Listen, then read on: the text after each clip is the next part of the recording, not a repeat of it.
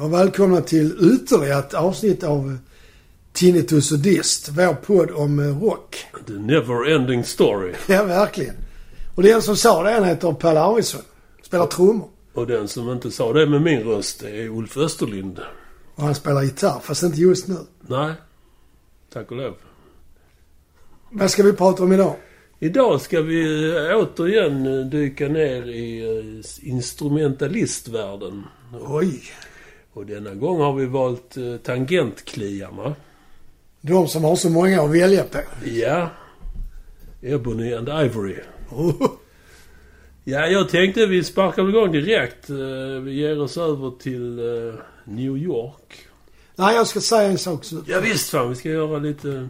Vi har ju en eh, Spotify-lista där vi lägger musiken från arti- en del av musiken från de artister vi pratar om. Den finner man, hittar man på Spotify som sagt. Och sen har vi en webbsida som heter www.tinnitusochdist eller tinnitusodist.weebly.com. Där eh, brukar vi lägga ut lite YouTube-klipp och sånt också. Mm, handplockade. Ja, det är de faktiskt. Så ni slipper rota runt i villervallan på YouTube. Ja, eftersom vi har kartan och kompassen. Ja, ska man hitta den här mannen så får, behöver man ingen kompass för han är ju väldigt stor i tangentkretsarna. Han heter till, kallas till och med för The Piano Man. Så det gör. Och vi pratar naturligtvis om Billy Joel. Ja, ja. New York. Ja, Long Island. State of Mind. Har han en låt som heter som är jävligt bra. för. Ja. Han har för övrigt växt upp i New York också. Ja, det var det jag försökte komma till. Ja. Men han hade en eh, engelsk mor och en tysk far. Jaså? Ja. Ja, och Hitler och... eh, Churchill. B. Churchill. Mm, ja, alltså egentligen passar han väl kanske inte riktigt in i vårt rock'n'roll-koncept. Ja, jag tänkte på det men jag ville inte säga det. Det var bra du sa det själv. Men han är ju... Det är, Men det är mitt choice of heart. Alltså han är brinnjävlig. Är du så förtjust i honom? Ja, jag, jag, det, jag ska försöka förklara det men... Nu får jag börja stänka vigvatten här. Du sitter redan med korslagda fingrar och vik hädan. Vitlökarna, Men- var fan är vitlökarna? Eh, Han är faktiskt invald i Rock'n'Roll Hall of Fame. Ja, men där hamnar faktiskt de flesta. Är det så? Om man nu ska vara elak. Ja, ja, då sprack den första. Men det är ju ändå... Det är ju en ära ändå att få vara med där. Det är det faktiskt. Ja, så har han ju skrivit en massa bra musik. Och de har sannoliken hittat rakt in i mitt hjärta i alla fall. Ja, han har en del låtar som är bra. Det tycker jag också. Jag har även en sentimental del i mitt hjärta. Ja, så det kan man inte tro Trodde man faktiskt. inte. Förutom att han ställer skåp med sitt briljanta pianospel är, är faktiskt Billy Joel begåvad med en besjälad röst. Som tränger igenom och berör den mest råbarkade busen. Det vill säga Pelle. Ja, ja det funkar. Jag upptäckte honom eh, ja, i, i hans storhetstid kan man nog säga. Han är ju stor fortfarande men... Ja, alltså jag för mig har läst någonstans att innan pandemin så sålde han ut Madison Square Garden en gång i månaden. Ja, det stämmer. Det räckte. Han behövde inte turnera. Nej, nej. Det måste vara skönt som Ja. artist bara kunna stanna hemma och Ja, visst. folk till dig istället. Inga resor, inget hotell och inget sånt. Men det är ju fantastiskt att kunna sälja ut Madison Square Garden en gång i månaden. ja. Ja, men det ska komma igång nu igen. Jag läste de har bokat, eh, jag tror det var från november, oktober, november. Med Billy Joel. Ja, Sex. sex. Ska vi åka dit? Ja, jag hade gärna velat se dem. Sex månader. Framåt? Ja. Ja, det kunde vara kul att komma till New York i alla fall. Så vi ber alla ni coronadårar hålla lugna så inte pandemin bryter ut. Ja, och swisha pengar. så vi kan åka. ja. Ni har våra nummer. Ja.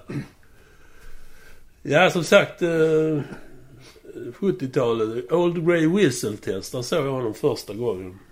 Där sitter en mustaschprutt, Billy Joel, vid sin flygel. Ett svintajt band. Eh, Han var in den ena höjdaren efter den andra. Och det, alltså låtarna var, ja... Skickliga. Och så hans sång och pianospel och, och bandet. Och, ja, allting var liksom en total upplevelse. Ja, alltså min bild är ju att det är inte treackordslåtar enbart. Nej, det är nog rätt avancerat. Säger trummisen. Jag, jag hånskrattar, har ni märkte det? Ja, ska få tillbaka. Ja. Men han har inte, innan han slog igenom med dunder och brak, 74 var det, så har han inte gjort så mycket, o, inte, eh, inte oväsen, utan väsen av sig. Han, eh, eh, ja lite popband och sådär på 60-talet, men inget särskilt. Däremot så var han med som 15-åring på uh, inspelningen av uh, Leader of the Pack. Kommer du ihåg den? En film eller en låt? En låt. Shangri-La. Den där motorcykel som... Som börjar låten? Ja. Ja, jo, den kommer jag ihåg när du sa så. Men eh, skivbolaget säger nej. Antagligen av ekonomiska skäl. Och Billy Joel minns knappt det själv så han säger det. Ja, det kan kvitta. Den sålde ju miljoner den singeln. Jag tror jag hade den faktiskt. Mhm. Eller något liknande. Nu vaknar gitarristen. Ja, men jag hade en massa singlar när jag var i tidiga turneringar. För Mm. Varje gång vi åkte till Wessels, som det då hette på den tiden. Som det heter fortfarande. Ja. Och handlade, mat, storhandlade till uh, hushållet så fick jag och min syster välja varsin singel. Mm. Så jag hade rätt många, eller vi tillsammans hade många singlar. Mm. Och jag tror den var med i, i något val där faktiskt. Ja. Och på 70-talet och kanske 60-talet också så gick den varm i alla raggarbilar. Ja, och sen så var det ju, den låg- den fanns ju på T-top också antar jag. Ja, att, oh ja, oh ja. Det var väl där jag hörde den antar jag. Men han fick inte en spänn för det. Vad gjorde han där? Sjöng eller spelade? Spela piano. Ja, okej. Schysst. Ja. Komma dragandes med ekonomiskt att man har säljer miljoner.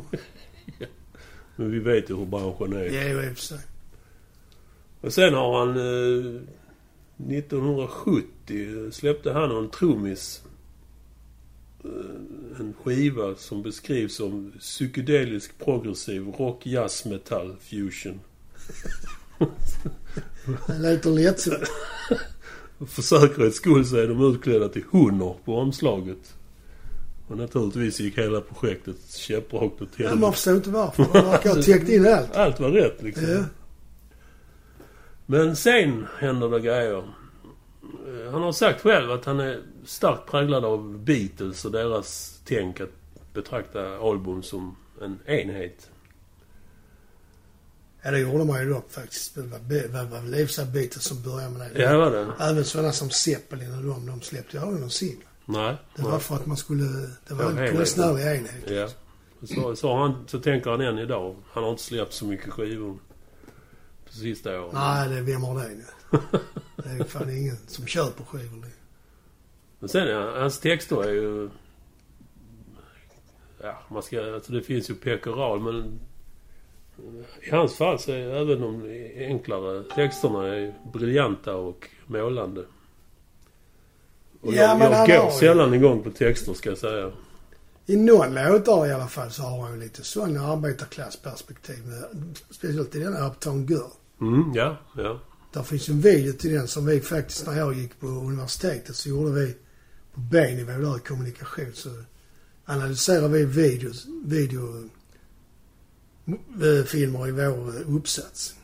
Mm. Enligt vissa kriterier som var fastslagna. ja. Och då hade vi den låten där, eh, Uptown Girl. Och den bygger på att han är en meckare så kommer där in en ja, välklädd, snygg, rik, ung kvinna i hans Ja. Verkstad. Liksom. Mm. Och så texten anspelar ju på det också.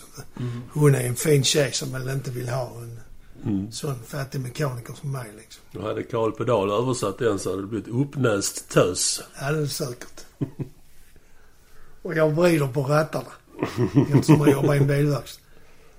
Han har ju haft eh, massa hittar genom åren och just hittarna har jag väl inte sådär... Det är inte de jag har gått igång på men... De som faktiskt har blivit megahittar för honom är till exempel Piano Man. Ja, det, titeln känner jag igen men jag kan inte påminna mig låten. Ja, det var ju den han slog igenom Ja. 74. Och det är det, det som gav honom hans smeknamn också. Ja, såklart. Och dessutom så är det ju hyfsat unikt att slå igenom en låt som går i valstakt. Det har Det faktiskt... är nog inte så vanligt faktiskt. Nej. Ja, ska man vara riktigt så, så är det väl sex åttondelar. Men Den Ja präglas... men det är väl det också. Ja, jag ja, säger jag ja. och tittar på trummisen i Ja, lokal. ja, säger jag. Ja, okej. Men den här ligger mitt emellan tycker jag. 6, 8 och 3, 4. Slut på tekniksnack. Sen gick det några år. Så kom den här smöriga Just the way you are. 1977. Just det. Ingenting som Ulf. Ja men den känner jag igen. Mm. Ja, det är ju en sån jättehit så det... Alla Men dansband där spelar är han ju nästan i crooner-facket, är han inte det? Jo, det, det är en sån slageraktig Ja, sak. Året efter, 78, kom My Life. den känner jag inte igen alls faktiskt. Ja, det är en uptempo-låt som också har spelats i dansband en hel del. Nej. Och det är ju också så att han har nog varit störst i Amerika hela tiden. Även om hittarna är, är worldwide liksom. Eh, Jag tror inte han har turnerat särskilt mycket i, över världen. jag vet faktiskt inte. Nej, jag har ingen aning. Han heller. har varit i England eftersom han var med i All Grey Whistle Test. Ja, det har han. Ja, det räcker ju. Ja, ja, så det, var ju, det är ju världen. 80 kom It's Still Rock and Roll To Me. Och sen 83 då som vi nämnde Uptown Girl och Tell Her About It.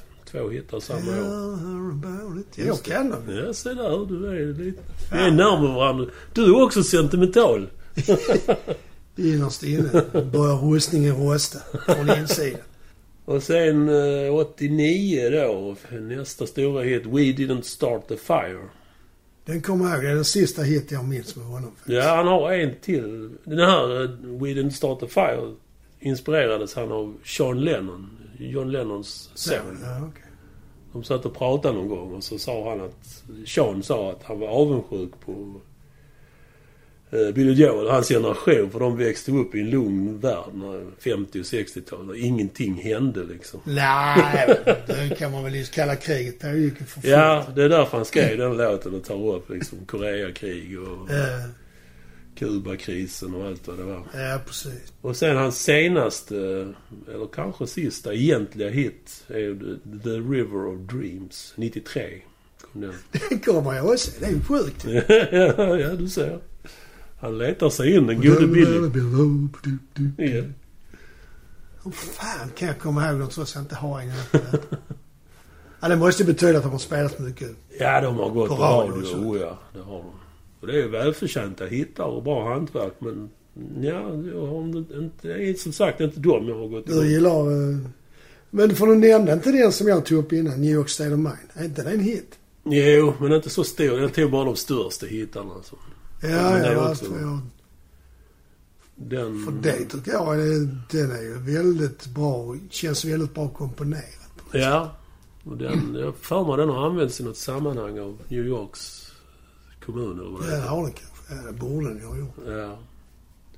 Men jag menar, orkar man att tränga längre in i hans musik så hittar man ju briljanta pärlor. Definitivt. Till exempel Scenes from an Italian Restaurant. Den ligger på plattan The Stranger. 1977 kom den.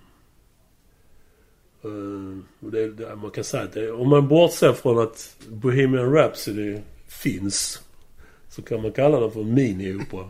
Den klockar in på 7.37. Ja, okej.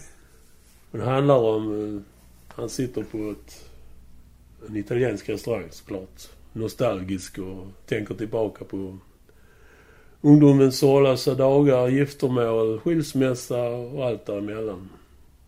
Och, och det serveras liksom som en mästerligt arrangerad ballad. Och den byter till uptempo i mitten också. A bottle of whites, a bottle of reds. Ja, okej. Börjar man en låt så, så är man hem- hemma. Eh, sen 82 så kom hans åttonde album, The Nylon Curtain hette det. Och det är ju betraktat som hans mest ambitiösa verk. Eh, många av låtarna beskriver hur den amerikanska drömmen bleknar under eran då eh, Ronald Reagan var president. Mm. 82. Dessutom så var ju USA drabbat av svår lågkonjunktur då, när den här plattan kom. Eh, Och då, eh, där, vi var inne på det här med blue collar och det arbetare. Och här hade han ju sin definitiva arbetarlåt som heter Allentown. Som handlar om eh, eh, stål, stålarbetarna, stålindustrin. De drabbades ju väldigt hårt. Ja, de och bilindustrin. Men det hänger väl kanske lite ihop. Ja, bilar är gjorda av stål. Ja, de var förr i alla fall. Nu är det väl något annat känns det som. Men så finns det också den, eh, vad jag tycker, hans bästa ballad. Good Night Saigon. En suggestiv och gripande sång om eh, Vietnamkriget. Och, ja, allt det här meningslösa eländet och, Ja. som de fick utstå där. Och dessutom när han lirar, lirar live så brukar han ofta backas upp på scenen av eh, veteraner i uniform som är med och körar. Väldigt gripande. Mm. Det finns ett speciellt eh, gripande avsnitt på YouTube från Shea Stadium 2008. Som jag tror att Broder Ulf kommer att duka upp till er. Ja, det gör det ju såklart. Ja. Bra. Eh, Den här mannen, Billy Joel, han är inte, han är inte sådär jättekänd som- för någon, eh, som någon partykung. Han var förvisso på Woodstock 69. För, framförallt för att se Jimi Hendrix. Men eh, han pallade inte det vilda partajandet. Framförallt så pallade han inte toaletter, de äckliga toaletterna. Nej, alltså där. Men hur fan kom han därifrån? Ja, han måste ha gått innan det började. Han gick innan Jimi Hendrix började spela. Ja, men jag menar, det var ju 500 000 människor. Dit, på väg dit. Ja. Nationellt Ja. eh, sånt, eh, vad det nu kallas. Ja, Nödläge. ja, ja det är... Han hade kanske en helikopter. Kände någon som hade en helikopter. Ja, precis. Och detta... Denna icke-partykung uppvaktades långt senare av en förläggare om att skriva sin självbiografi. Han fick ett fett förskott och satte igång direkt. Men eh, när han lämnade in manuset så blev förläggaren blev skogstokig och menade det här, det här är en, som musikerbiografi så är den osäljbar. Inget sex, drugs, rock'n'roll. Och då svarade Billy Fuck it, that's me. Och så lämnade han tillbaka förskottet. Och så var det med det. Ja, men om man tänker efter alla de eh, biografier och böcker om band och artister man har läst så handlar det ju väldigt sällan om... Det handlar ju lite om musiken men det är ju mest allt det andra. Ja. Så det är väl det vanligt folk vill läsa. Medan Mm. jag tycker det är roligare att läsa hur skapar man den och den låten och vad tänkte de där och, Men Mm. Ja. Men tänkte det, är- kanske inte, jag ska bara inte ihåg. Det är också, jag tycker det är kul att läsa om urspårade fester och liksom sånt. Ja, till viss del. Men, Men det inte bara är bara. det liksom. The Dirt. eh, Mötley Crüe, den går väl ja. över gränsen liksom. Han prylar upp en stackars japan på tunnelbanan för han har heroin. Flipp liksom. Ja, Det är ja. inte så hyggligt. Nej. Och inte ens roligt kanske. Ja, inte för japanen i alla fall. Nej, usch. Nej, nu blir jag gnällig. Förlåt.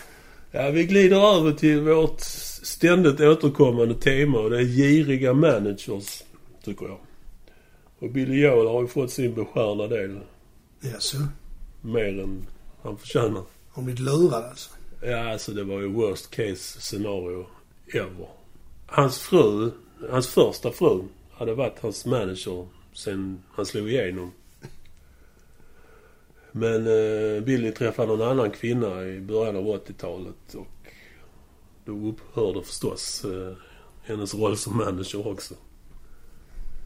Eh, inget konstigt med det. Men eh, det som är märkligt är ju att Billy istället blåögt valde att anlita, anlita exfruns bror som manager.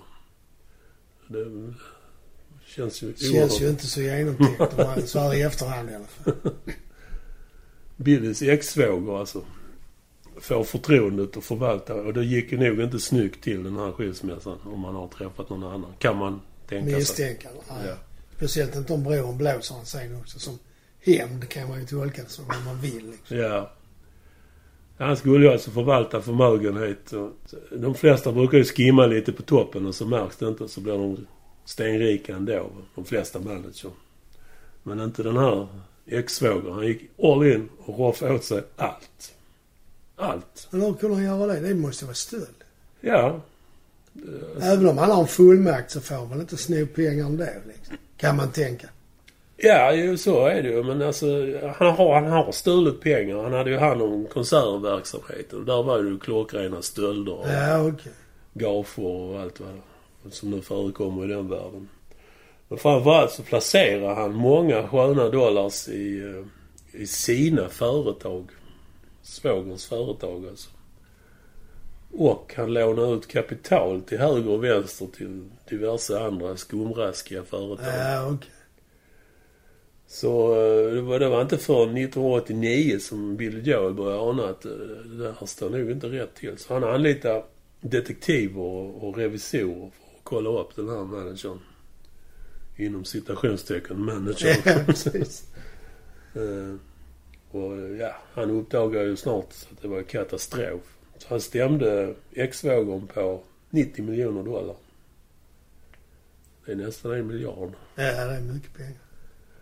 Men eh, det funkar väl sådär. För de, de började väl i rätten men sen gjorde de upp utanför rätten. Så han fick nöja sig med 8 miljoner dollar. Det är en viss skillnad. Ja, det är inte lite pengar men... han var- Antagligen är det andra borta då, så det finns inga pengar. Nej, nej, det, är- så är det väl. Eller så är det så att han har skrivit på något papper som, eh, som gör att han inte kommer kunna klämma åt honom i domstol. Ja, där fanns För dokument. att få ut pengar överhuvudtaget. Det fanns dokument som pekar på det att det var bara vid ren stöld eller något sånt som man skulle kunna väcka åtal. Ja, okej. Så han hade ju skrivit sig fri redan från början. Ja. Men hans, alla hans, alltså svågerns företag, de gick i konkurs efter det. Det var Billy Joel som hade hållit dem vid liv. Kan man säga då. Ja, så var det ju. Numera så har Joel ledsnat på att skriva popmusik. Han har släppt genom åren, de sista åren, alltså efter 93 då han hade den hiten. Han släppt en del jazzplattor. Jaså? Ja. Jaså? Ja, Ja, det var inte oh. meningen. Nej, det var inte meningen. Nej, men det var ju kul ändå. Eller? Ja, precis. Och den sista skiva, eller senaste, Fantasies and Delusions. Det är bara klassiska pianostycken. Enbart piano. Som han själv har skrivit. Ja. Och dessutom är det någon annan som spelar dem, konstigt nog. Vi var inne på det här med Madison Square Garden. 2014 startade det. Och har hållit på ända fram till coronan. Varje månad. Ja, det är fantastiskt. Ja. Och då ska man ju också tänka på att, som jag sa innan, 93 var ju hans sista... The River of Dreams heter den. Ja. var ju hans sista hit. Och så liksom nästan 20 år senare fyller han Madison Square Garden ändå. Ja, men det är väl lite samma som när vi går och tittar på de band vi gillar. Det finns ju inte så många kvar, men Stones finns ju kvar. De drar ju jättepublik, men de drar ju de, de som är som har följt dem hela livet. Ja. Så, ja, det, det måste vara samma med Billy Joel. Men Stones är ju ett betydligt större fenomen än Billy Joel. Ja, Också. det kan man ju säga i och för sig. Vi var väl inne på det i något avsnitt, synergieffekter. Vissa vet ju knappt varför de går på Rolling Nej, Stones. de går för att alla andra går. Ja, ja. Så är det kanske inte med Billy Joel, det vet jag inte. Men det är ändå det där att publiken är ju den man har haft väldigt länge. Jag tror inte det är nya, så många i alla fall. Nej, det tvivlar jag på. Men det, är ju också, det är också en happening, de här Madison Square Garden Ja, det blir det ju. Det är ju det där att eh, de går för att de andra går. Ja, jag menar för, alltså från Billy Joels sida. För han, det finns inga setlistor. Han spelar, han skriker ut vad han vill spela. Och rätt vad det är så kommer det upp någon annan celebritet och gästar. Ja, okej. Så bandet måste ju verkligen stå på tå och vara uppmärksamma. Och ha koll. Ha koll, ja. Ja. Det är Ett mardrömsläge kan ju många tycka.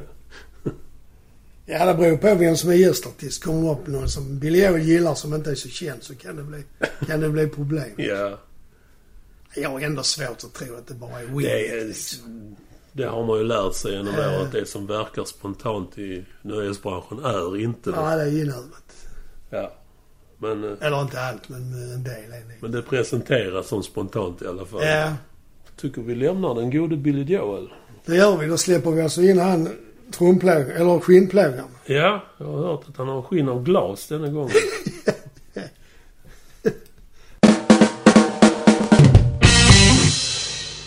ja, nu har han fått banka loss lite. Hoppas han mår bättre. eller blir bättre. ja, det är omöjligt. Det går inte att bli bättre för, för den killen. Okej. Du, du har, hans ribba är lagd. Men då tänkte jag att jag skulle faktiskt prata med en eh, pianist som eh, är engelsman. Mhm. Och som faktiskt börjar som basist. Det är inte helt ovanligt att pianist, alltså de som spelar piano, även har längtan efter bas. Ja, Eller till och med spelar bas. Jag känner faktiskt ett par stycken som Ja. är... eh, Se där. Men de har gått på musikskola och då har man ju mer än ett instrument man ska välja. Ja, ja. Men då väljer de ofta... Bas, ja. Ja, eller om de spelar bas så har de valt piano också liksom. Ja, ja, från andra håll. Ja. Ja. Men jag menar, det finns en... Ja, men det är väl det att man basar ju med pianot. Ja, det gör man Så ju. där är ju den kopplingen. Ja. liksom. På ett annat sätt än vad man basar på en gitarr om man spelar... Ja. Ja, Om det... man inte spelar själv, för det måste man göra. Men om man spelar i orkester så basar man ju inte på det sättet. Nej. Ja, just På det. en gitarr. Nej, i vilket fall som helst så är det då eh, en man som heter Chris Stanton. Mm. Som eh, faktiskt var med och skrev eh, Joe Cockers första hit. Jaha. Som eh, heter Marjorie.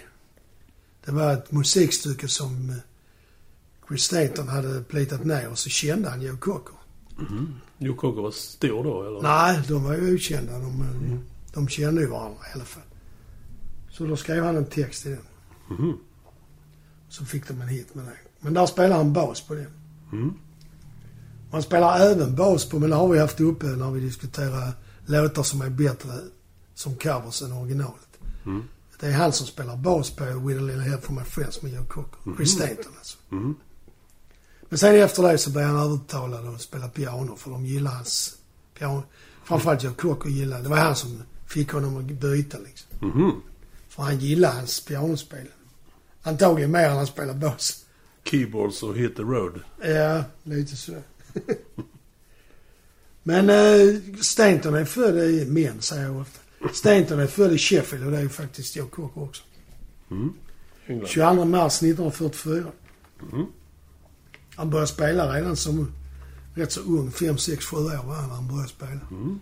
Och han säger själv att, återigen det med band, han gillade det djupa med basen så det var därför han började spela det. Men han Ja, spelade, ja. spelade piano också som Ja. barn faktiskt. Där kommer det igen, ja. Eh, jag vet inte vad annat han, han blev väl fascinerad av det djupa, säger han själv.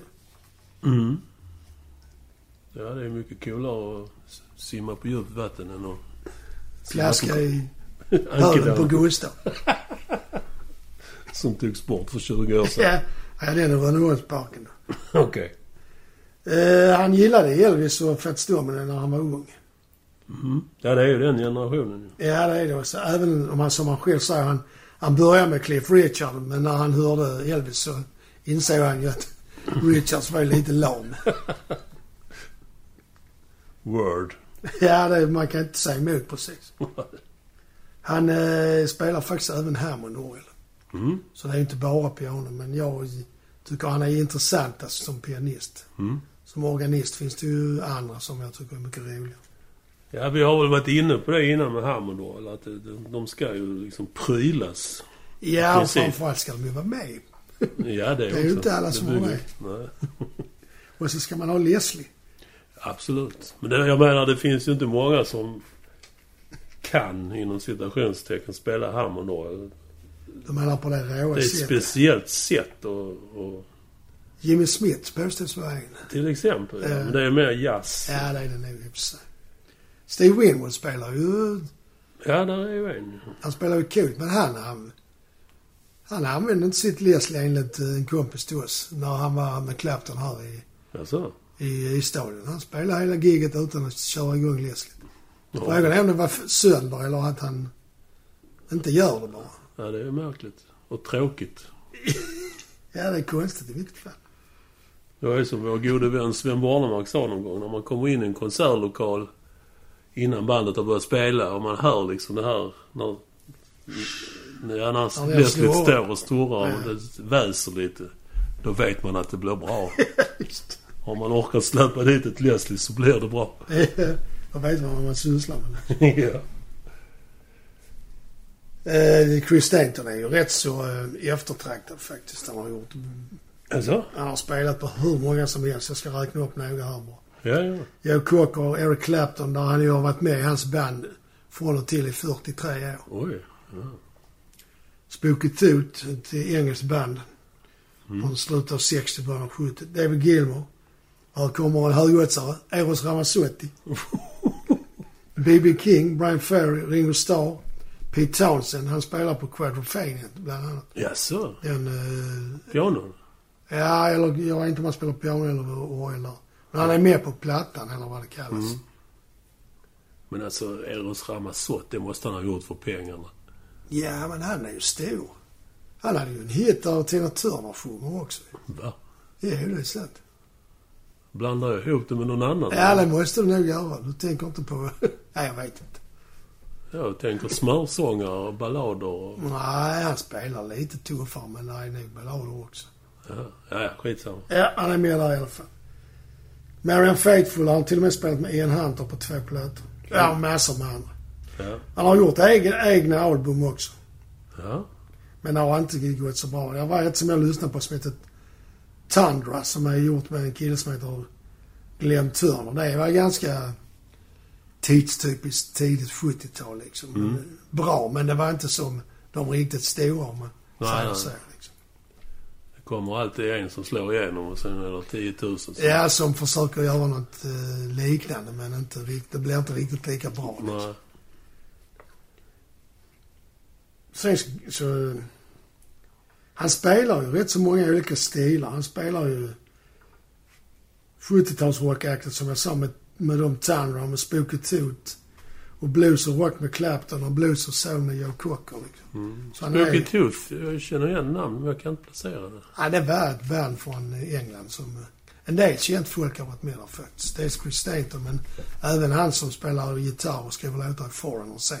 Mick Jones Mhm. är med där. Om jag läste rätt på LPn. Ja. Man känner inte igen dem för de är så unga på bilderna så det kan ju vara alla Mick En Jones. Det är nog inte ett ovanligt namn. Det är väl som det de använder i deckarna när någon är död. Smith, är det inte det? Ja, ja. Ja, Joe, han? Joe Smith, va? Ja, det är något sånt. Ja. Eller John Doe kanske det är. John Doe, Det är när ja. de är döda. ja. Ja, nu spårar vi ur igen. Back on track. Han gör faktiskt även musik med sin fru Gail som han har varit gift med i, sen 70-talet. Oj. Och som enligt honom själv räddade honom från drogerna. Jaha. Eller inte, han var inte drogberoende men han, det, han alltså 70-talet var ju 70-talet och Han de miljöerna där så var det ju lättillgängligt. Liksom. Han hade öppnat dörren och tittat in. Ja. Ja. Faktum är att han tog så mycket LSD när de skulle spela på Woodstock.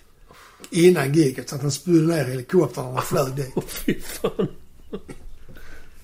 Och sen säger han också att det var... Jo, det var mycket droger med Mad Oxen Englishman på de turnéerna där. Ja. Han var en av dem som eh, försökte hålla sig undan och han klarade mycket tack vare Ja. sin fru menar han. Så jag fattar inte.